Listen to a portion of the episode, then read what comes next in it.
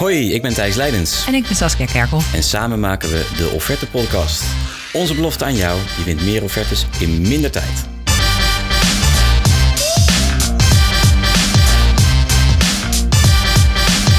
Precies. Hey, en deze aflevering gaat over zelfvertrouwen en succes laten zien in offertes. Werkt het wel, werkt het niet uh, en waarom dan? En daarvoor hebben we een speciale gast uitgenodigd, Stefan Renkema. Salespionier, noemt hij zichzelf. En dat ben ik er eigenlijk wel mee eens. Hij is ook oprichter van Your Ability Business School, waar ze jonge salestalenten uh, opleiden. Oprichter van tafelgasten.com. Hij is ook nog docent sales en marketing aan de Hogeschool Arnhem-Nijmegen. En uh, oh ja, hij heeft ook nog drie boeken geschreven, waaronder het handboek Commerciële Vaardigheden. Kortom, je luistert naar een aflevering met een serieuze sales-expert aan het woord. Welkom Stefan. Goedemorgen, ja. Wat een introductie. Dankjewel Saskia daarvoor. Ja, mag gezegd worden, toch? leuk om hier te zijn. Ja, ja, het is altijd leuk als anderen dat over je zeggen. Het blijft altijd een beetje lastig om het over jezelf te zeggen, maar... Snap ik. Ik doe gewoon wat ik leuk vind en, en daar komen dan dit soort dingen af en toe uit naar voren, ja. Ja, dat is het onderwerp van vandaag, hè. Mag je wel van jezelf zeggen hoe goed je wel niet bent. Precies. maar het is erg prettig als iemand anders het uh, van, je, van je zegt. Hey, fijn dat je vandaag uh, ja, jouw visie uh, met ons wil, wil, wil delen op succes in sales. Um, even beginnen hoor, met uh, drie stellingen voor jou om mee te beginnen. Mm -hmm. Nuanceren mag later. We zoeken even een ja of een nee. Oké, okay, stelling 1. Een goed product verkoopt zichzelf. Nee. Bescheidenheid siert de mens. Ja. Succes is een keuze. Ja. Nou, mooi. We gaan daar zeker nog wel uh, op terugkomen. Oké, okay, wij zijn op zoek Saskia en ik naar de, naar de rol van vertrouwen in sales. Weet je, wanneer het te veel is uh, of te weinig. Um, kun jij ons meer vertellen over wat die rol van zelfvertrouwen is in effectieve sales? Ja, dat, dat, dat kan ik, denk ik. Uh, kijk, als je kijkt naar het begrip vertrouwen en zelfvertrouwen. Uh, en je kijkt dat, plaatst dat in een relatie tussen mensen, dan, dan wordt zelfvertrouwen heel vaak geassocieerd met expertise. Dus op het moment dat je als verkoper dat zelfvertrouwen meeneemt en je straalt dat uit in de manier waarop je aan tafel zit, al dan niet uh, via Teams of Zoom, dan wel live aan tafel, dan, uh, ja, dan heb je meteen het, uh, breng je over in mijn beleving dat je expertise op iets hebt. Althans, zo werkt het in het brein van mensen en dat zelfvertrouwen straalt een stukje expertise uit. Dus ik denk dat om die reden het ontzettend belangrijk is dat je dat zelfvertrouwen ook daadwerkelijk uitstraalt in gesprekken met klanten. En hoe straal je vertrouwen uit? Is dat, uh, dat is niet als een orang-oetang binnenkomen lopen. Dat is soms juist heel erg rustig zijn. Um, in welke, ja, kun je daar een soort van algemene uitspraak over doen? Hoe zet je jezelf dan neer? Ja, de twee dingen die ik daarover zou kunnen zeggen is, is enerzijds, uh, uh, het is een beetje dooddoener misschien, maar zelfvertrouwen kweek je ook door ja, heel simpel jezelf gewoon ontzettend goed voor te bereiden op elk gesprek. Uh, waarbij je in mijn beleving ook weer niet alles tot in de puntjes moet voorbereiden. Want dan sla je zo'n gesprek meteen helemaal dood. Dan kan je ook de snaar volledig missen uh, soms door iets aan te nemen uh, wat jij in je voorbereiding hebt gezien. Dat toch anders blijkt te zijn. Maar buiten kijf, goed voorbereiden geeft je dat vertrouwen dat je aan tafel zit of in gesprek bent met een klant. En je weet van die ander hoe die in de wedstrijd zit. Maar de andere vind ik misschien nog wel belangrijke van zelfvertrouwen. En dat is misschien een beetje paradoxaal wat ik zeg, maar um, je kwetsbaar durven opstellen. Ja. Oké. Okay. Ja, dus het, het, het um, een hele interessante TED-talk in dat, dat verband vind ik die van Brené Brown over vulnerability. Ja. Zeker de moeite van het kijken waard. Maar in mijn beleving, hè, als je je kwetsbaar durft op te stellen, um, zowel hè, in de richting van, van het product of dienst die je probeert te verkopen, maar ook met name voor jou als persoon uh, dat creëert ook een heel stuk vertrouwen aan de andere kant. Want we zijn uiteindelijk allemaal mens. En uh, te veel vertrouwen, te veel zelfvertrouwen uitstralen, ja, dat, dat werkt toch gewoon averechts. Dus je kwetsbaar durven opstellen, denk ik, is ontzettend belangrijk om dat, nou ja, in gesprekken met klanten uh, ook te ja. durven doen. Oké, okay, dus jij zegt eigenlijk van je hebt enerzijds, ja, je moet gewoon goed voorbereid zijn en daarmee komt ook het vertrouwen. Um, en dat is misschien ook wel een geruststellend idee voor mensen die net begonnen zijn of zo. Hè? Want je begon met, ja, dan straal je expertise uit. En dacht ik, ja, maar ja, wat nou als je gewoon een uh, groentje bent en, uh, en net begonnen bent in die salesjob of bij een nieuwe organisatie, zeg maar. Maar dan zeg jij van ja, voorbereiding. Voorbereiding is heel belangrijk en, en daar bedoel ik ook dat kwetsbaarheid mee. Ik, ik maak genoeg jonge verkopers mee die vinden dat ze niet mogen falen of dat ze alles al moeten weten. Ja. En in mijn beleving is het ontzettend krachtig en straalt het ook vertrouwen uit door te zeggen dat je iets niet weet. Of door juist hè, als een klant een vraag stelt, daar niet omheen te draaien met allerlei moeilijke bochten. Maar gewoon tegen klant te vertellen: van, joh, dat vind ik een uitstekende vraag. Daar heb ik zo geen pasklaar antwoord op. En dat meteen dan ook als een, als een kans zien om weer een stukje waarde te creëren erop terug te komen. Maar uh, ik denk zelfvertrouwen uh, groeit juist ook door uh, af en toe ja, toe te geven dat je iets ja, niet weet. Precies. En kwetsbaar opstellen, hè? dat um, betekent dat, dat als je een, een, een gesprek aangaat, dat je eigenlijk ook niet meteen met antwoorden komt, maar gewoon rustig uit blijft vragen, bijvoorbeeld. Is het ook een manier van kwetsbaar opstellen? Niet, niet zeggen dat je alle antwoorden hebt? Ja, ik denk dat dat absoluut zo is. Dat, dat eh, blijven uitvragen is, eh, daar moet je in die zin ook weer mee oppassen. Uh, in een salesgesprek, in mijn beleving, omdat de klant op een gegeven moment zoiets, dan krijg je een soort pingpong. Hè? Ik blijf vragen, jij blijft antwoorden. Die vragen moeten wel ergens toe leiden. Ja. Je zult ook merken, als je blijft uitvragen, gaat die klant op een gegeven moment wel wiebelen van joh, er moet een beetje voortgang in dat gesprek zitten. Ja. En juist dan kan het heel krachtig zijn door te zeggen van dat vind ik een hele uh, bijzondere goede vraag. Ik heb daar zo geen pas, pasklaar antwoord op nu, maar ik ga daar uh, bij op terugkomen. Ja. Wat je daarmee bereikt is dat een klant je ook gaat zien als iemand die authentiek is. Ja. Uh, die durft te zeggen dat hij iets niet weet. Dat geeft de klant overigens vaak ook het gevoel dat hij zelf ook ja, kennis van zaken heeft. Um, en iedereen prikt er heel makkelijk doorheen als je iets niet weet en toch net gaat doen of je het wel weet. Ja. En dan zul je ook merken dat als je om die hete brei heen blijft draaien, dat je zelfvertrouwen een soort van lineair gaat afnemen in zo'n gesprek. Is dit, uh, Stefan, dan ook uh, de reden dat je zei van bescheidenheid siert de mens? Uh, daar antwoordde je volgens mij ja. Ja, ja dat, dat is heel controversieel. Hè? De ene keer zeg je ja, zelfvertrouwen en bescheidenheid, hoe verhoudt zich dat dan tot elkaar? Ik denk, in mijn ervaring in ieder geval, is, is, en dat is ook wel cultureel een beetje bepaald hoor, zal ik zo mm. misschien nog iets over kunnen zeggen. Zeker. Maar um, ik heb geleerd in, in, in um, alle ervaring die ik de afgelopen 25 jaar heb opgedaan, dat als je zeker in de Nederlandse cultuur niet te hoog van de toren blaast, maar hè, in die zin gewoon wat ja, bescheidener overkomt.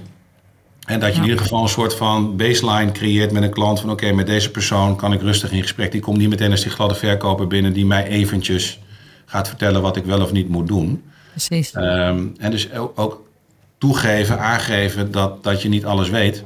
Uh, kan heel krachtig zijn in dat, in dat kader. Ja, ja.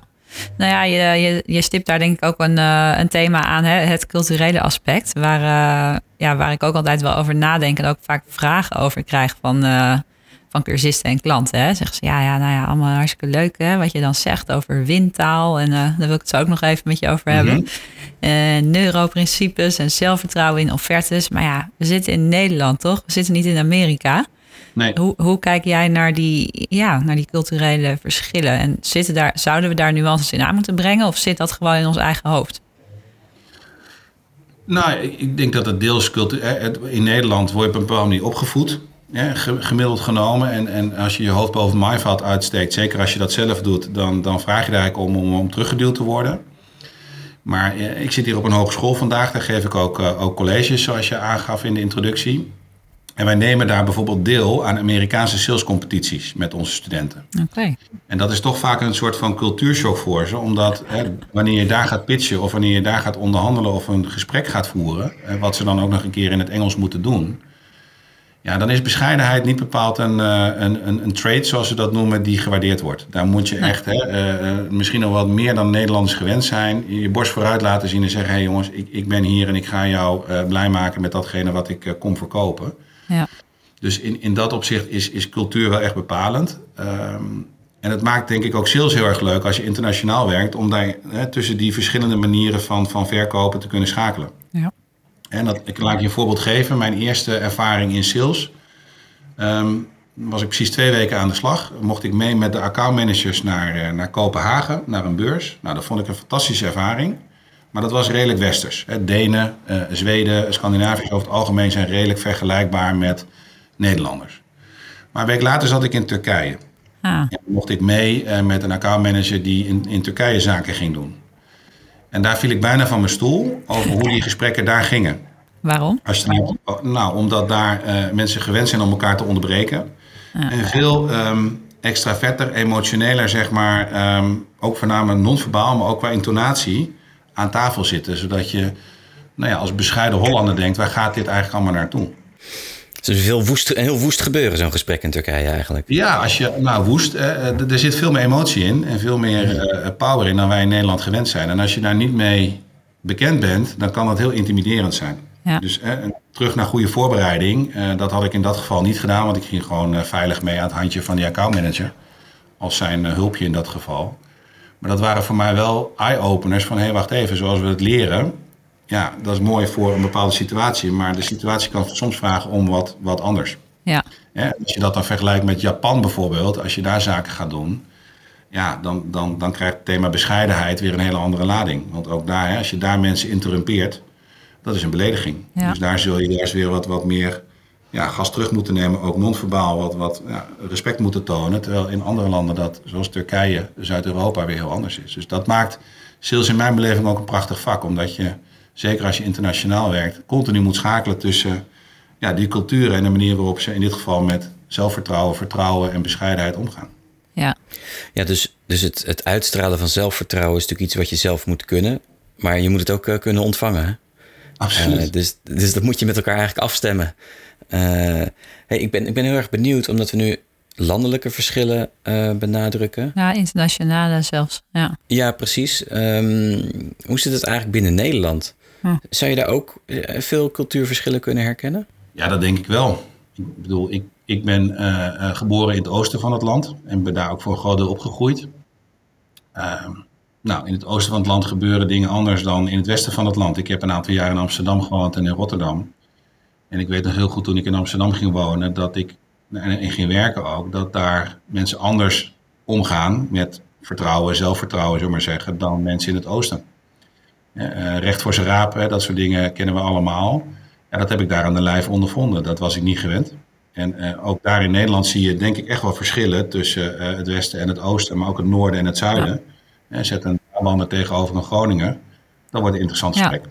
Ja, dat is waar. Gemiddeld genomen. Hè? Wil je, je chargeert natuurlijk enorm, want hè, onder al die ja, dingen zit natuurlijk ook nog de persoonlijkheid van iemand. Maar uh, generaliserend kun je echt wel zeggen dat in Nederland dat ook echt wel verschilt. Ja, precies. En misschien zelfs ook nog wel tussen branches. Tenminste, ik heb wel de indruk dat het uh, voor mij bijvoorbeeld uitmaakt of ik bij een uh, accountantskantoor in, in Kampen kom.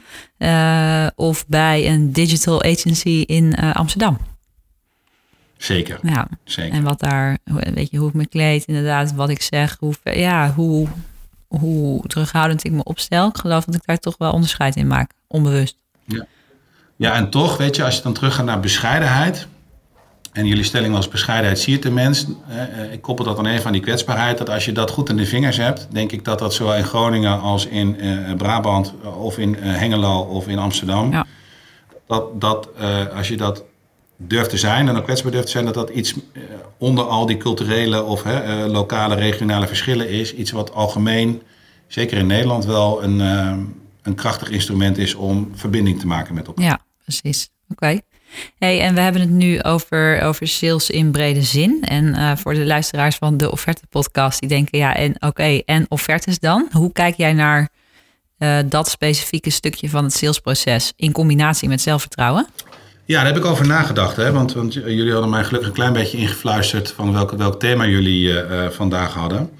Kijk, ik, ik zie een offerte altijd als een verkoopgesprek op papier. Ja. misschien heb je dat zelf in je eigen boek ook wel. Ik heb hem niet nagelezen, Saskia, maar ik kan me zomaar voorstellen dat dat de zin is die jij ook ergens ingezet hebt. Het staat er wel ergens, ja. Um, en als je het dan hebt over, over zelfvertrouwen. Kijk, als je naar de psychologie kijkt, neuropsychologie, dan zijn er een paar dingen die interessant, denk ik, in dat kader zijn. Hè. Uh, offerte uiteindelijk, en het hele verkoopcyclus zou je kunnen zeggen, waar die offerte een deel van is, is bedoeld uiteindelijk om weerstand te verlagen. Dus om te zorgen dat die klant, die, die gaat een verandering in, die gaat iets, iets aankopen en daar heeft hij van nature, veranderen vinden we spannend, dus ergens moeten we proberen die, die weerstanden tegen die verandering zo laag mogelijk te maken. Als je naar offertes kijkt, ja. uh, een interessant uh, fenomeen in die weerstanden is wat ze noemen scepticism.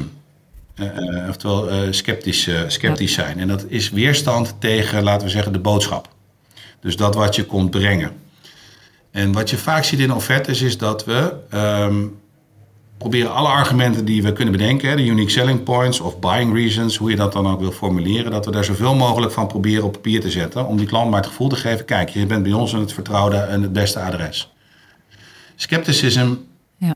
is een, een, type weerstand waarvan, je eigenlijk, waarvan we weten vanuit de psychologie dat dat overargumenteren of te veel argumenteren juist averechts werkt. Ja.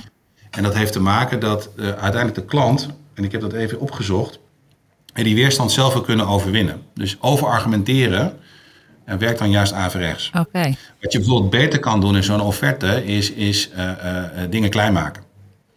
dus de klant het idee geeft van de weerstand verlaag ik door bijvoorbeeld iets groots naast iets kleins te zetten zodat het voor de klant makkelijker wordt om die eerste stap te nemen. Kun je daar een voorbeeld van geven hoe je iets groots na iets, naast iets kleins zet? Nou ja, bijvoorbeeld hè, dat, dat uh, je probeert een bepaalde dienst te verkopen of een abonnement op iets. Hè. Een heel, heel klassiek voorbeeld daarvan is je mag het eerst eens een paar weken uitproberen. Juist. Of hè, uh, uh, dit, je kunt het zelfs nog relateren aan Cialdini, zijn fenomeen wederkeerigheid. Dat je zegt, ik begin met iets groters. Ja. En ik doe een kleine concessie zodat in mijn verhaal of in mijn offerte, waarbij de klant het makkelijker vindt van oké, ik hoef niet het grote te nemen, maar ik kan het iets kleiner, waardoor de weerstand verlaagt. En een andere manier om dat bijvoorbeeld te doen is ergens in je offerte een, een, bepaalde garantie in te bouwen. Ja, dus uh, uh, je, zegt wel, je zegt dat wel, hè? dat is eigenlijk de, de onderliggende uh, onbewuste reactie van je zegt dat allemaal wel, maar mm door die drempel dan te verlagen. Is het waar? Door het kleiner te maken, door bijvoorbeeld garanties te geven, maak je het ook voor een klant weer makkelijker om te zeggen: Oké, ik kan het proberen in een soort veilige omgeving. Want als het niet werkt, dan, nou ja, niet goed geld terug is daar een klassiek voorbeeld van, maar, maar heb ik een soort van garantie-idee. Ja. Dus als je het hebt over zelfvertrouwen in offertes en vertrouwen, uh, moet je denk ik heel goed bewust zijn van het feit dat je probeert een weerstand te verlagen. En dat er nou ja, verschillende typen weerstanden zijn, waarvan scepticisme er eentje is, die in offertes denk ik heel, uh, heel relevant is. Uh, ik deed me denken um, aan zoekmachine specialisten die beloven dat je op nummer 1 komt. Ja, ja. Dat is een garantie die mij alleen niet veel vertrouwenwekkend klinkt, want dat kun je helemaal niet beloven.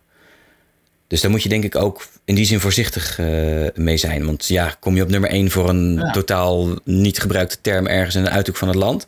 Of kom je op nummer 1 voor een heel erg veel gezochte term uh, wereldwijd? Dat is nogal een verschil. Nee, klopt. Dus de garanties die je geeft, moet je ook waar kunnen maken. Hè? Dus op het moment dat je uh, zegt van wij beloven jou dat je op nummer 1 komt. Hè, en ik geef je de garantie dat dat gebeurt. En dan wil je ook zeggen, wat, wat is dan het alternatief als het onverhoopt niet gebeurt? Hè, dat, dat, daar zul je goed over na moeten denken. Uh, want anders moet je ze niet noemen. Als je garanties uh, niet kunt waarmaken, dan wel uh, dat wat je belooft niet kan waarmaken, dan, ja, dan weet je één ding zeker, dan gaat ja. de klant geen zaken met je doen. Precies, en dan is het ook geen zelfvertrouwen meer, maar meer een soort arrogantie of een soort fake belofte bijna. Ja. Ja, want een goede klant gaat vragen: Oké, je geeft me die garantie. Kun je een voorbeeld noemen hoe je dat dan in de praktijk hebt gedaan? En als je dan op een gegeven moment zegt: Nou, nee, dat kunnen we eigenlijk niet. Nou ja, dan is dat vertrouwen ook meteen helemaal weg. En ik kan je voorspellen dat ook je zelfvertrouwen dan uh, meteen uh, door het putje gaat. Ja. ja, die garantie kun je alleen afgeven als je eigenlijk je klant niet zo hoog hebt zitten. Dat je denkt van nou, die vindt dat vast wel leuk op nummer 1 in Google komen. Uh, en heeft niet genoeg uh, kennis zelf om daar kritisch op te zijn. Dus ik, doe die, ja. ik kan die belofte maken. Dus dat is misschien een kwestie van inschatten van je, van je tegenpartij. Ja. ja. Hey, en Stefan, uh, hoorde ik jou net zeggen van, um, dat die klant zichzelf wil overtuigen in het geval van die skepsis. Um, ja, dus, hè, dus die, jij zegt dat nou wel. Hè, dat is eigenlijk de onderliggende boodschap. Ja. Maar dus die klant wil eigenlijk zelf, die, hè, dat raakt aan iets anders. Dat noemen we dan hè, de keuzevrijheid. Dus dat is veel mm. meer uh, een ander, ander type weerstand. Ja. Kan ik zo nog iets over zeggen. Dat heet dan uh, reactance in, in dure psychologische termen. En dat is eigenlijk, hè, een heel mooi voorbeeld is uh, een filmpje waarin een kind wordt gezegd... je moet op een bepaalde manier fietsen. En die kijkt dan heel boos om en die zegt, ja, dat bepaal ik zelf wel. Ja. Ook in offertes denk ik dat het heel belangrijk is dat je... Dat is een ander type weerstand, want die is niet gericht tegen de boodschap. Nee. Maar tegen jou als persoon. Oké. Oké, okay, de eerste scepticisme gaat, is echt gericht tegen nou, dat wat je op papier zet, wat je kon brengen. Terwijl reactance veel meer een weerstand is tegen jou als autoriteit. Ja. En, en het belangrijkste is, uh, uh, onderliggende emotie daarbij is, van dat bepaal ik zelf wel. Ik wil zelf die keuze kunnen maken. Ja. Dus dat raakt een beetje aan wat ik net zei, hè? Ga, ga, van groot naar klein, dus verlaag de drempel. En het verlengde daarvan kun je zeggen, bied een klant opties ja. offerte. Goed. Dus uh, laat die klant, uh, ondanks dat je misschien denkt van nou, dit is perfect voor die klant geschikt. Zorg dat een klant in een offerte altijd één, twee of drie opties heeft om uit te kiezen. En dan kun je natuurlijk heel neuroverhaal over hoe je die drie opties positioneert. Maar het hebben van keuzevrijheid is absoluut essentieel in mijn beleving om een offerte geaccepteerd te krijgen. En het maakt ook uiteindelijk uh, Um, tenminste, dat schrijf ik ook in mijn boek en ik zie het ook in de praktijk, dat de conversie gewoon omhoog gaat. Want de discussie gaat ineens niet meer over van goh, eh, eh, over het teken door leave it scenario, maar de vraag van goh, welke, hè, lieve klant, u heeft de keuzevrijheid, welke spreekt u aan? Ja. Um, ja. Dus dat maakt het ook voor jezelf, denk ik, als verkoper verkoper, salespersoon, uh, leuker. Ja, ja. in, in, een gesprek zou je bijvoorbeeld, als een klant twijfelt, uh, dat heeft, heeft, dan ook een hele mooie, een mooie naam. Dus erkennen van de weerstand is dat je eigenlijk het gas voor de voeten wegmaait. Hè? Dus uh, dat je bijvoorbeeld zegt, joh, ik begrijp dat het in eerste instantie moeilijk is. Of ik, ik snap dat dit een, een forse investering vraagt. dat je eigenlijk dat wat die klant onbewust dan wel bewust denkt, een soort van verwoord Hè, waarmee die klant zegt, oké, jij begrijpt uh, mijn twijfel, jij begrijpt mijn dilemma, jij begrijpt mijn nou ja, eventuele weerstand tegen deze beslissing. Ja. Door dat te erkennen, verlaag je ook die drempel. Okay. dus bijvoorbeeld uh, kan je zeggen, uh, ik weet, in het begin kost dit wat moeite, maar, of ik begrijp dat het in het begin even wennen is. Ja. dat kan je in gesprek doen. Maar kan je ook op papier denk ik heel goed benutten op die manier. Ja, dus kan in offertes ook. Ja, en jij zei bij een, uh, op de stelling een goed product verkoopt zichzelf, uh, zei jij nee. Um, heeft dat hier ook mee te maken, wat we nu net bespraken? Ja, kijk, als je een uniek product hebt wat niemand anders kan leveren en het voorziet in een fantastische behoefte, dan, dan, hè, dan kan je zeggen, dan verkoopt het zichzelf. Maar dan nog, weet je, mensen kopen uiteindelijk, zeker in business to business, nog steeds ook wel van mensen. Ja, daar speelt digitaal natuurlijk ook een steeds grotere rol. Maar ergens in dat proces hebben we nog steeds dat persoonlijke contact. Zeker als het wat complexere diensten, producten of oplossingen zijn. Ja, en dan willen mensen niet alleen het product hebben. Ik gebruik zelf in mijn boek altijd uh, het JOB-principe. En JOB is een acroniem voor jezelf, organisatie en product. En dus JOB met een P. Mhm. En mensen kopen eerst jou en daarna pas de rest. Hoe goed het product ook is. Ja. En uh, ik denk dat dat, uh, hè, als, je, als je het dan hebt over vertrouwen, dat is een mooie quote van een uh, Amerikaanse goeroe. Ehm, dan weet ik zijn naam even niet meer, hij is net zo kaal als ik ongeveer. Maar die zegt, mensen gaan je pas geloven als ze je mogen. En ze gaan je pas vertrouwen als ze je geloven. En ze gaan pas van je kopen ja. als ze je vertrouwen. En in die volgorde werkt het. Maar uh, wel heel Amerikaans natuurlijk, hè, want alles wat daar gepropageerd wordt is de waarheid. Maar ik vind het wel een mooie quote. Hè. Als jij in de kroeg staat, uh, ga je niet met iemand in gesprek als je die niet mag. Ja. En dan ga je ook zeker niet mee naar huis als je die niet uh, gelooft, bij wijze van spreken. Dus er zit een bepaalde hiërarchie in. En daarom geloof ik ook van ja, mensen kopen eerst jou en dan je organisatie. En, en daarna eigenlijk pas het product. Precies. In de meeste gevallen.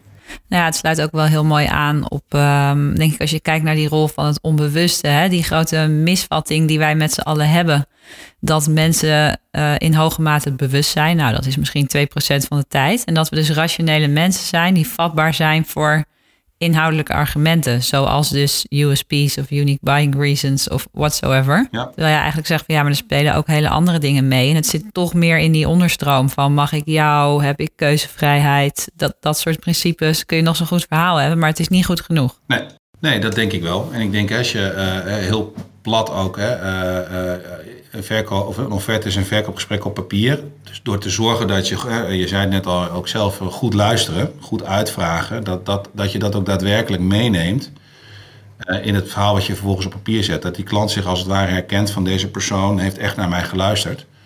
Um, en daarbinnen zul je dan die weerstanden nog moeten overwinnen. Ja. Maar dat is natuurlijk de basis. Dat is de basis, ja. Oké, duidelijk. We hebben het natuurlijk uh, vandaag ook over uh, jezelf op de borst slaan en in welke mate je dat wel of niet moet doen. Nou, ik denk dat we er al uh, redelijk rap achter komen dat je jezelf vooral niet op de borst moet slaan, maar eigenlijk andere methodes moet gebruiken om zelfvertrouwen uit te stralen en het over te brengen, juist zonder het te zeggen, eigenlijk door het te laten merken. Mm -hmm. Wat ik wel eens merk is dat naarmate er meer concurrentie is voor een klus, dat het net iets anders werkt uh, in, in, in, mijn, in mijn hoofd. Dat heb je bijvoorbeeld als je eerst een offerte maakt en je denkt er is geen pitch. Dit is gewoon een offerte voor iemand die een prijs opvraagt. En daarna halverwege het proces zegt iemand, oh maar ik heb nog vier andere partijen gevraagd. Dat levert een ander gevoel op waarbij ik een beetje het gevoel krijg dat ik wat hoger van de toren moet gaan blazen of zo. Kun je dat plaatsen of, of, uh, of is dat mijn uh, defect? Sowieso, Thijs. Jouw onzekerheid? Nou, kijk, het is denk ik wel een goede, goede, goed voorbeeld wat je geeft. Kijk, niks is in alle gevallen uh, zaligmakend. Dus in, in, in, de situatie die jij schetst, ik noem dat wel eens het, het belichten eigenlijk van, van jezelf. Hè? Het belichten van datgene wat je kon brengen. En soms moet je die belichting net een beetje draaien, zodat je een ander onderdeel van jezelf net wat meer in de spotlights zet.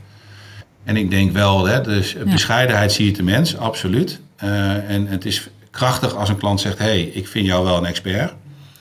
Maar in sommige gevallen kan het denk ik geen kwaad. En dat leer ik dan ook vooral uit de Amerikaanse eh, cultuur. Dat was Nederlanders af en toe wel, nou ja, dat hoor ik jou ook een beetje zeggen, misschien wel te bescheiden willen zijn.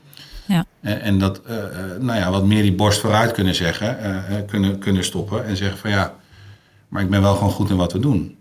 En dus het is meer van hoe, je zou bijna kunnen zeggen, hoe frame je jezelf? Zet je jezelf neer als bescheiden, maar wel heel erg goed? Of zet je jezelf neer als goed en tegelijkertijd ook weer een beetje bescheiden. Het is maar net hoe je dat, dat framet.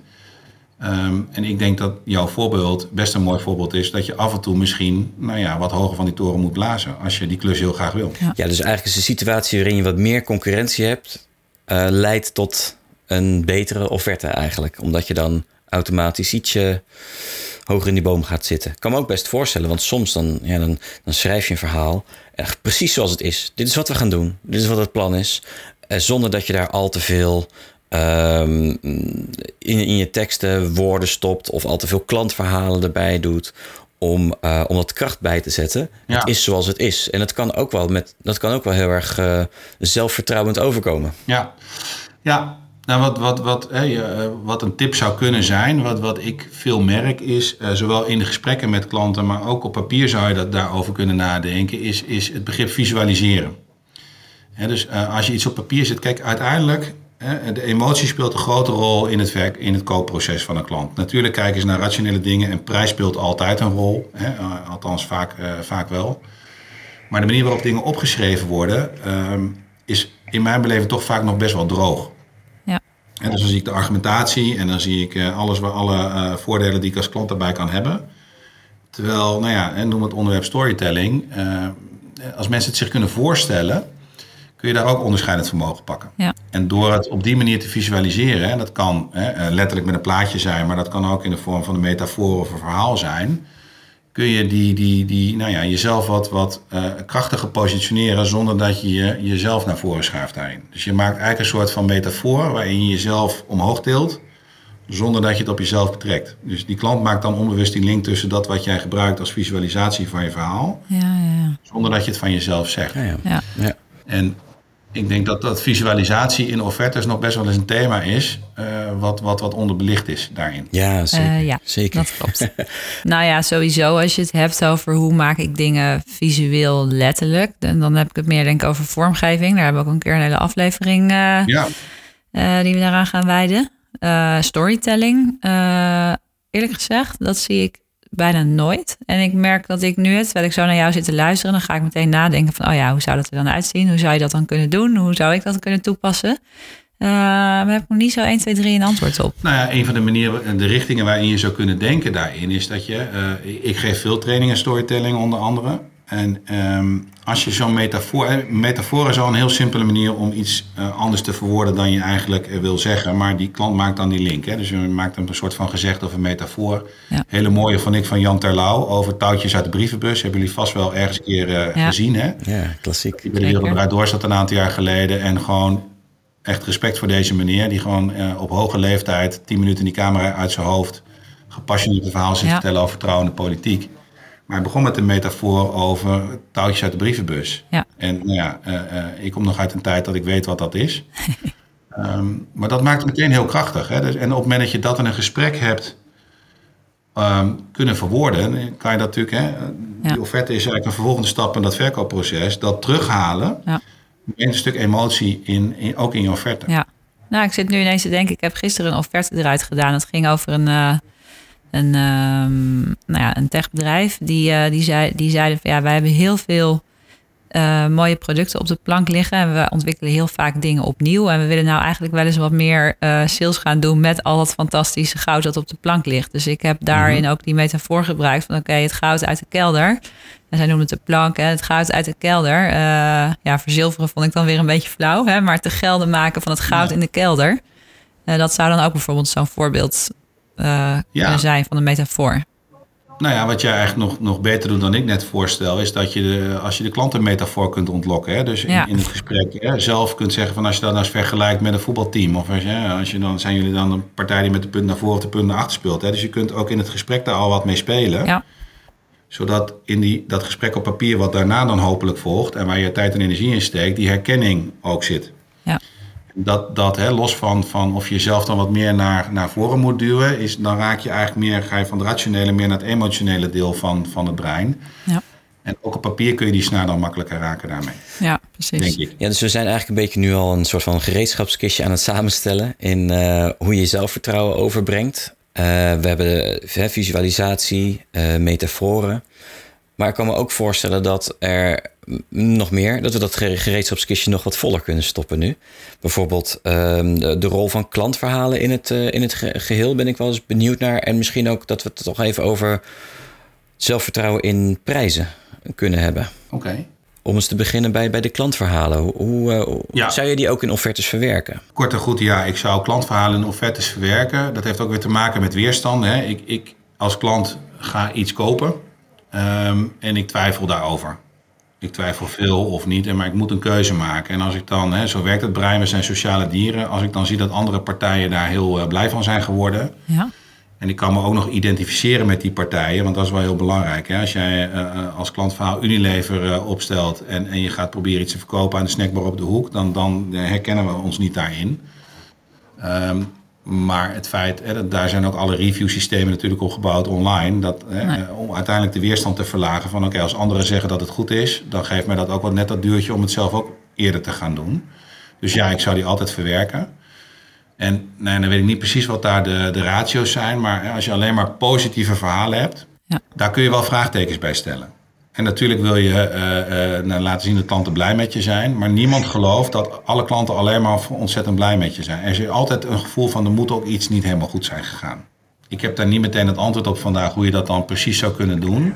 Of je dan één negatief klantverhaal erin moet stoppen, dat denk ik niet. Ja. Maar alleen maar Hosanna-verhalen van hè, uh, dit is echt het meest fantastische wat er ooit zou overkomen. Dat werkt eerder op dat overargumenteren dan dat het helpt om die keuze te maken. Dus het moet gewoon geloofwaardig zijn eigenlijk. Het moet authentiek zijn, ja. De planning liep wat uit, maar het was het allemaal waard, zoiets. Nou ja, bijvoorbeeld, hè, dus het, inderdaad, van in het begin vonden we het lastig. In het begin hadden we daar best moeite mee, maar door de goede begeleiding van, of hè, dat je nou ja, de USP's ook in die zin terug laat komen in je klantverhalen. Precies. Dat maakt ze authentieker en dan werken ze echt drempelverlagend. Ja. Okay.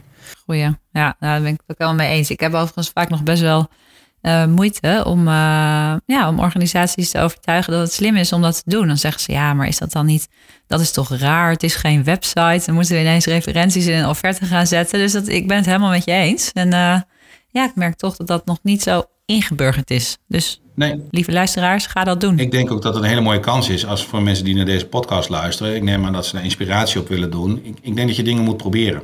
Ja. dus je had het net over branches en bepaalde verschillen kan ook heel goed zijn dat dat, dat in sommige branches niet werkt. Om wat voor, die kennis heb ik vandaag ook niet meegenomen. Nee.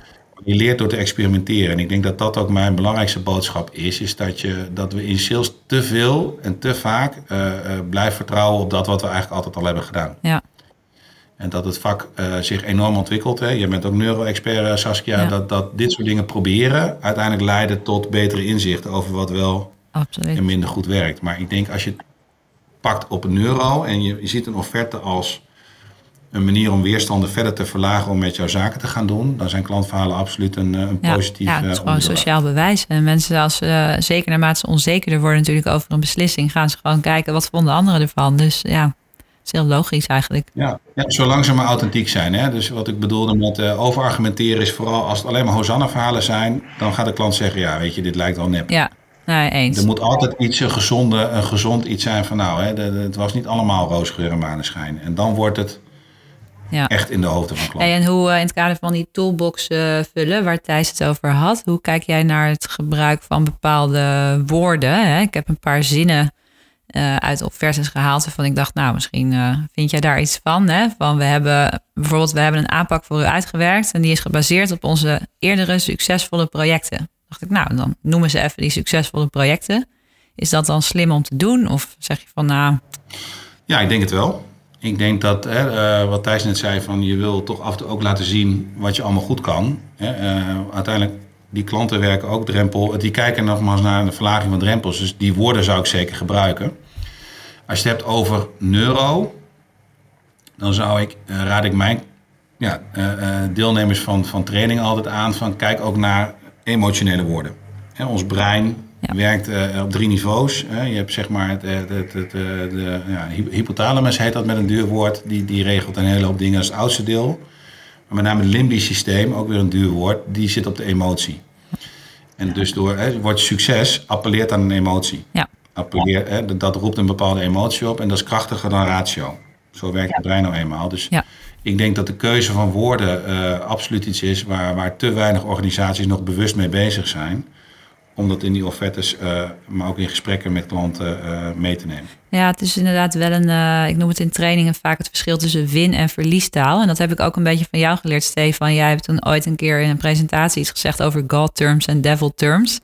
Ja, ik heb dat een beetje vertaald naar win- en verliestaal in offertes. Dat, dat heeft hier ook wel mee te maken, denk ik, toch? Zeker. Die, die termen. Zeker. En, en eh, eh, als je het hebt letterlijk over dat soort woorden, weet je wel. Ik, heb een, eh, ik gebruik heel vaak een filmpje van een bedelaar die dan een soort blind is. En, en daar zit hij op een kleedje en nou ja, er staat op zijn bordje, ik ben blind, help. Ja. En helpen overigens een heel krachtig woord, hè, want dat appelleert aan ons sociale gevoel. We moeten elkaar helpen. Ja, Maar goed, dan krijgt hij een paar kwartjes toegeworpen. Dan loopt er in dat filmpje een mooie dame langs. En die pakt dat kartonnen bord en die schrijft er wat anders op. En, en, en binnen vijf minuten is een potje vol. Wat zij erop geschreven heeft, want dat is dan de clue van het filmpje, is precies hetzelfde, maar op een andere manier. En eh, wat er dan op het bordje staat, volgens mij is: Het is vandaag een prachtige dag. ja, Ik kan hem alleen helaas niet zien. En, en eigenlijk zegt die man daar: de eerste formulering is vanuit zichzelf geredeneerd. En de tweede appelleert veel meer aan: hé, hey, ja, het is inderdaad een prachtige dag. En die gozer kan het niet zien. ja. Ja, natuurlijk is dat een filmpje en natuurlijk eh, eh, moet je dat ook in die context wel zien. Ja. Maar Ja. de payoff is van change your world, eh, change your words, change your world. Oftewel, als je je woorden verandert, krijg je Ja. een ander resultaat. Mooi. En dat is denk ik heel erg van toepassing, ook juist op offertes. Ja, dat misschien ook wel mooi, eh, Thijs, met die link naar jouw, wat was het, je derde stelling over succes? Ja, succes is een keuze. Succes is een keuze. Ja, en eh, in, in hoeverre heb je je eigen succes in, in eigen hand? Ik denk dat, nou ja, ik ben een, eh, een aanhanger van, eh, van, van, of een fervent lezer van het boek Mindset. Hè, waarin je in ieder geval gelooft in de maakbaarheid van, van dingen. Mhm. Eh, Carol Dweck was dat. Ja. Kun je daar iets over zeggen? Over of, ke- of keuze een succes is en hoeverre die dat kan manipuleren? Ja, zonder semantische discussie, hè, wat is succes? Ja, Ja, ik denk dat dat, dat, dat eh, heel belangrijk is dat, dat succes vaak eh, gedefinieerd wordt als, als het halen van doelen of het overperformen. Maar je kunt er ook anders naar kijken. Hè. Eh, als je elke keer een steen neerlegt, dan op een gegeven moment heb je ook een huis. Hè. Dus je, je kunt denk ik kijken naar wat jij definieert als succes. En ik denk dat te vaak in sales eh, succes afgemeten wordt aan de output. En natuurlijk is dat belangrijk. We hebben onze targets te halen en, en geld te verdienen voor de organisatie. Maar als je succes wat anders durft te formuleren, eh, bijvoorbeeld op de input die je levert of dat wat je wel bereikt hebt, dan denk ik dat je op die manier ehm, succes op ander, hè, ook kunt bereiken. ja, En dan is succes daadwerkelijk een keuze. Hè. Eh, Ja. Je hebt niet altijd invloed op de output, want er zijn zoveel omstandigheden die nou ja, daar invloed op hebben. Hè. Eh, Neem alleen maar even de pandemie waar we al anderhalf jaar eh, met z'n allen in zitten. Ja, dan kan ineens datgene wat je voor ogen had niet meer haalbaar zijn. Maar waar je wel controle over hebt, is wat je eraan doet. En ik denk dat dat eh, eh, belangrijk is. En in die zin vind ik het inderdaad een keuze. Ja, ja, ja precies. En dat, dat probeer je natuurlijk ook te doen. Hè. Met zo'n gereedschapskist probeer je in ieder geval eh, je succes eh, kansrijker te maken. Dus eh, om in, met Erik ten Hag te spreken, Ja. moet je vooral jezelf in kansrijkere posities zien te krijgen. Dat is wat je kan doen ongeveer in het leven. Dat is wat je kan doen. Ja, en, en Ja. eh, dan kom ik terug op wat ik eerder zei. Dat, dat die positie, die ga je alleen maar creëren door te blijven trainen en te blijven oefenen en, en ervaring op te doen. En te weten, oké, die looplijn, en, ja, om dan maar in voetbaltermen te blijven, die pak ik nu even iets anders. Want dan weet ik gewoon dat ik binnen 10 passen voor die goal kom in plaats van via 15. En daarmee creëer ik een betere positie, kansrijke positie om het doelpunt te maken. Mooie, mooie metafoor. ja, metafoor. Ben je beeldtaal aan het gebruiken? um, nu we het toch uh, um, over succes hebben, een deel daarvan ligt, ligt er natuurlijk ook wel in hoeveel omzet je binnenhaalt met een offerte. En dat brengt me een beetje ook op prijzen. Um, daar sta je ook een bepaald vertrouwen mee uit. Hè? Met, je, met je uurtarief bijvoorbeeld. Um, dat, dat is iets waar ik vaak mee worstel. Het hangt, uh, dat wil zeggen, ik heb op zich, uh, we hanteren over het algemeen een redelijk vast tarief. Maar soms dan denk je van nou, als ik een lager tarief inzet, dan maak ik een grotere kans, dan zet ik de uren omhoog.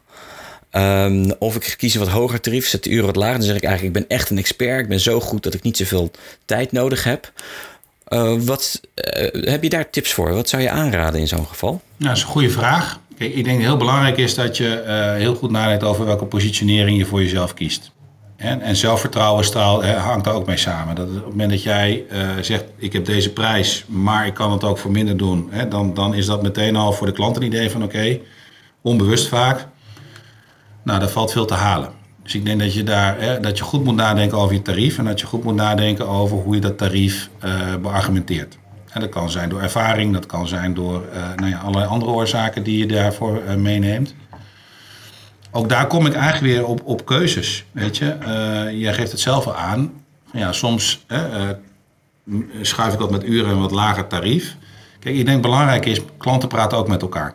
Dus op het moment dat jij bij de ene klant uh, een tarief van X uh, doet en bij de andere Y, dan, dan ergens along the way ga je daar een keer een vraag over. Ja, zeker. zeker ja. En dat, moet je dan, hè, dat is helemaal geen, geen probleem om dat te doen, maar dat moet je wel kunnen uitleggen. Ja. En die grootste fout heb ik ook ooit een keer gemaakt. Dat, dat uh, we hadden staffeltjes voor verschillende branches in mijn eerste baan. En op een gegeven moment gingen die klanten van verschillende branches met elkaar praten. En toen hadden we een probleem. Want waarom betaalt de ene klant meer dan de andere? Nou, die discussie wil je liever niet. Dus je kunt daar beter transparant over zijn. Maar dan terug naar keuzes. Um, nee, uh, dat, nou, dat zie je overal, denk ik. Hè, dat mensen, uh, uh, neem ze popcorn die je kiest in de bioscoop of een ijsje wat je koopt. Er zijn altijd meerdere opties. En ik denk dat je in je tarief en, en dat je dat moet koppelen aan een stuk dienstverlening. Dat als je een wat lager tarief wil, dan krijg je ook gewoon minder. Ja. Hè, um, en, en daarmee zou ik dan altijd beginnen met je hoogste tarief in plaats van met je laagste tarief, omdat hè, dat, het ankereffect. Uh -huh. En als je alle staartjes, pak maar gewoon een paar plaatjes op internet erbij. Ze beginnen, de, be, de betere beginnen altijd met de duurste op links en, en gaan daarna door naar rechts. Naar de goedkopere. En, en ik heb daar een heel praktisch voorbeeld van. Ik heb een, een masseur die, waar ik regelmatig naar, naartoe ga. En die heeft een, een Chinese massagewijzer, die heet Twina. Nou, daar zou ik je verder niet mee vermoeien. Maar dat is een wat duurdere techniek, ja. dus het duurt ook wat langer. En zijn prijsopbouw in zijn, zijn foldertje was... ik begin met de goedkoopste en ik eindig met de duurste. Nou, dan weet je één ding zeker. Die duurste ga je het minste verkopen. En dan heeft hij dat omgedraaid. Ja. Op nou ja, mijn advies van draai het eens om. En ik had hem vorige week aan de lijn en zegt... het is bijzonder hoe dat werkt. He, dan ga je niet meteen die duurste gelijk allemaal verkopen. Maar de tweede, wat dan eigenlijk de meest voor hem interessante is... die verkoopt hij veel meer. Goeie tip. Dus ik denk, prijs... Ja, je mag, wat mij betreft, moet je helder in zijn. En als je zegt, ik kan het tegen een ander tarief doen, dan moet je ook een andere dienst bieden. Ja, moet eerst tegenover staan. Precies. En dan geef je die klant ook weer die optie. Wil ik uh, een full package met alles erop en eraan? Of neem ik genoegen met iets minder tegen een iets lager tarief? Goeie tip. En klopt mijn indruk dat het geven van korting altijd minder zelfvertrouwen uitstraalt? Ja, zeker als je dat ongevraagd doet. Ja. He, van uh, de betere inkopers uh, die laten dan een stilte vallen als jij die prijs noemt. En, en, de, en de mindere verkopers zeggen, nou, maar daar, kan, daar valt natuurlijk over te praten. En dan weet je één ding zeker, dat gaat je geld kosten. Um, als je korting geeft met een soort basisregel, dan moet er iets voor terugkomen. En dat haal ik dan weer uit, uit de creatieve hoek, zeg maar, design thinking hoek, is, is de omkeertechniek. Als een klant jou vraagt om korting, dan zou je kunnen zeggen, van, stel dat jij mij vraagt, Thijs, van ik vind het een interessant verhaal. Ik vind de prijs zit ik nog een beetje tegenaan kan er nog een paar procent vanaf. Nou, dan leren we nu in sales heel vaak van, nou, je moet er wat voor terugvragen. Dus ja, er kan wat vooraf, maar dan moet een langer project duren, hoger volume, weet je, dat soort dingen. Je kan hem ook omkeren en die klant zeggen, nou weet je, ik wil met jou niet praten over uh, een situatie waarin je 5% minder betaalt. Ik zou eigenlijk van jou willen weten wanneer je bereid zou zijn om 5% meer te betalen. Oké, okay. ik moet hier even over nadenken. En wat gebeurt er dan? Die klant gaat je aankijken alsof je, alsof je ergens uh, een afslag gemist hebt in het leven. Ja. Um, maar na die initiële eh, schrikreactie kan je dat beargumenteren. Zeggen, weet je, die prijs is gewoon de prijs. En blijkbaar heb ik mijn waarde nog niet goed uitgelegd. Dus ik wil van jou weten wat ik nog mis in, in mijn waardepropositie... om jou te overtuigen dat dit het waard is. Ja. Dus je haalt die discussie van prijs, waar je onherroepelijk in terechtkomt als je concessies gaat doen in de vorm van korting, die trek je naar waarde. Ja. Dus door, door de vraag Ja. om te keren, of door het argument van korting om te keren naar een, een plus op je, op je tarief, Ja. trek je de discussie naar een ander niveau. Mooi? Werkt het altijd? Nee, dat werkt niet altijd. Maar dat bedoel ik ook met experimenteren. En je had het over gereedschapskist. Ik denk dat verkopers te weinig met dit soort dingen durven te experimenteren. ja. En zeg maar binnen die veilige routes houden. Waardoor ze, eh, denk ik, best wel veel kansen missen om beter te worden. Zeker. Ja, dus eh, hoe ons brein gebakken is. Hè? We houden gewoon niet van verandering. Dat is duidelijk. We, het Ja. gewoon, we, we herhalen patronen zoals we het altijd al deden. En zelfs als we eigenlijk Ja. inmiddels niet meer zo effectief zijn met het herhalen van die patronen. Maar goed. Nou, durf, durf ze te experimenteren. En dan, en dan maak ik een cirkeltje misschien even rond. Hmm. Eh, denk aan zelfvertrouwen. Als jij het meteen zegt van... oké, er valt wat praten over korting. Eh, als je dat durft om te draaien en te zeggen... nou, ik wil helemaal niet met je praten over korting. Ik wil praten over wanneer jij de prijs die ik hier neerleg... de moeite waard vindt om te betalen. Precies. Ja. Want ik denk dat wij die waarde kunnen bieden. Alleen ik heb blijkbaar dat nog niet goed genoeg tussen jouw oren gekregen. Nou, als je het dan hebt over zelfvertrouwen uitstralen... dan alleen al door zo'n vraag om te keren... ja. Nou ja, dan ben je, toon je wel een bepaalde stevigheid. ja, dat denk ik wel. Heel mooi rond cirkeltje.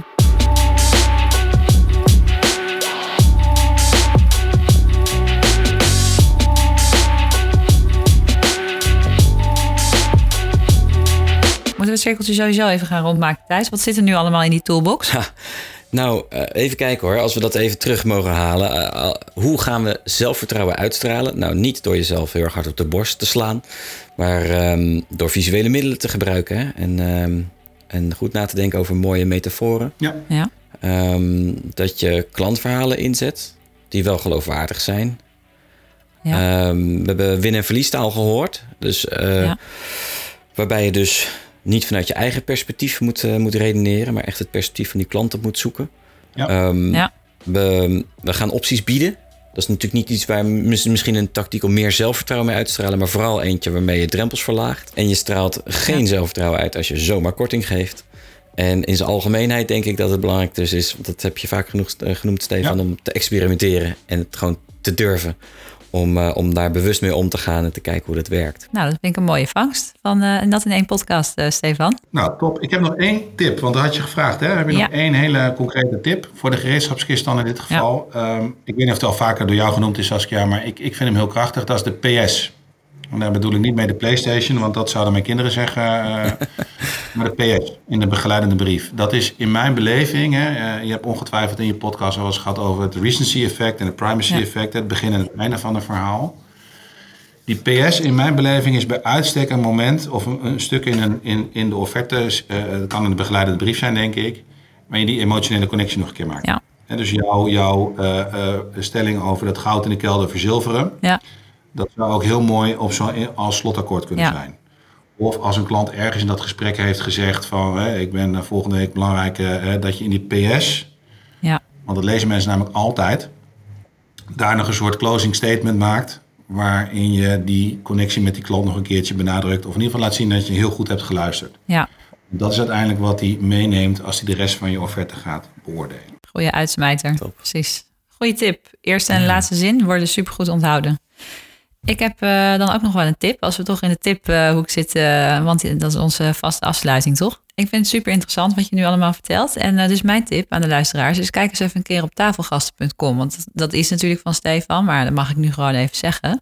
Maar je kunt die meneer daar zelf ook boeken. Want volgens mij heeft hij nog veel meer inspirerende dingen te zeggen over sales. En eh, er staan ook nog een paar andere sales experts op. Dus eh, dan kun je gewoon een korte online sessie voor je ehm, voor collega's boeken. Dus eh, check even die site. Dat is mijn tip. Nou, dan heb ik, ehm, als het gaat om het maken van een emotionele connectie. eh, en we zijn ook nog eens vandaag bezig met een interview. Heb ik een eh, mooi interview in de aanbieding. Ehm, geheel, geheel niet over dit onderwerp, maar wel eh, zeer de moeite, waard. Het is een interview tussen Ernst Jan Fout met eh Typhoon. eh, laatste aflevering van POM, podcast over media. In ieder geval een fantastisch interview, vind ik. Waarin een heel goede emotionele connectie wordt gemaakt. Omdat ze ja, allebei er echt zin in hebben. En een heel erg interessant verhaal te vertellen hebben over een tegenslag en hoe je daar overheen kan komen. En succesvol kan zijn uiteindelijk. En terug, terugkomend op dit verhaal, nou, ik denk wel dat ze allebei op een eigen manier zelfvertrouwen hebben zonder dat ze op een borst aan het slaan zijn. Dus ik denk voor iedereen die deze podcast nu heeft geluisterd, even die opzoeken en opzetten. Goeie tip. Hey, en de volgende aflevering die gaat over geld. Dus sowieso luisteren. Hij heet Ze kijken toch alleen maar naar de prijs. En of dat waar is, dat hoor je dan dus uh, binnenkort. Oké. Nou, heel erg bedankt voor het luisteren. Abonneer je op de podcast. Schrijf reviews. En doe wat, je, wat iedereen zou moeten doen als hij een podcast waardeert. En wij zien elkaar weer over een aantal weken voor een nieuwe aflevering. Bedankt voor het luisteren. En bedankt, Stefan. Het was leuk om hier te zijn. Dankjewel. Dankjewel.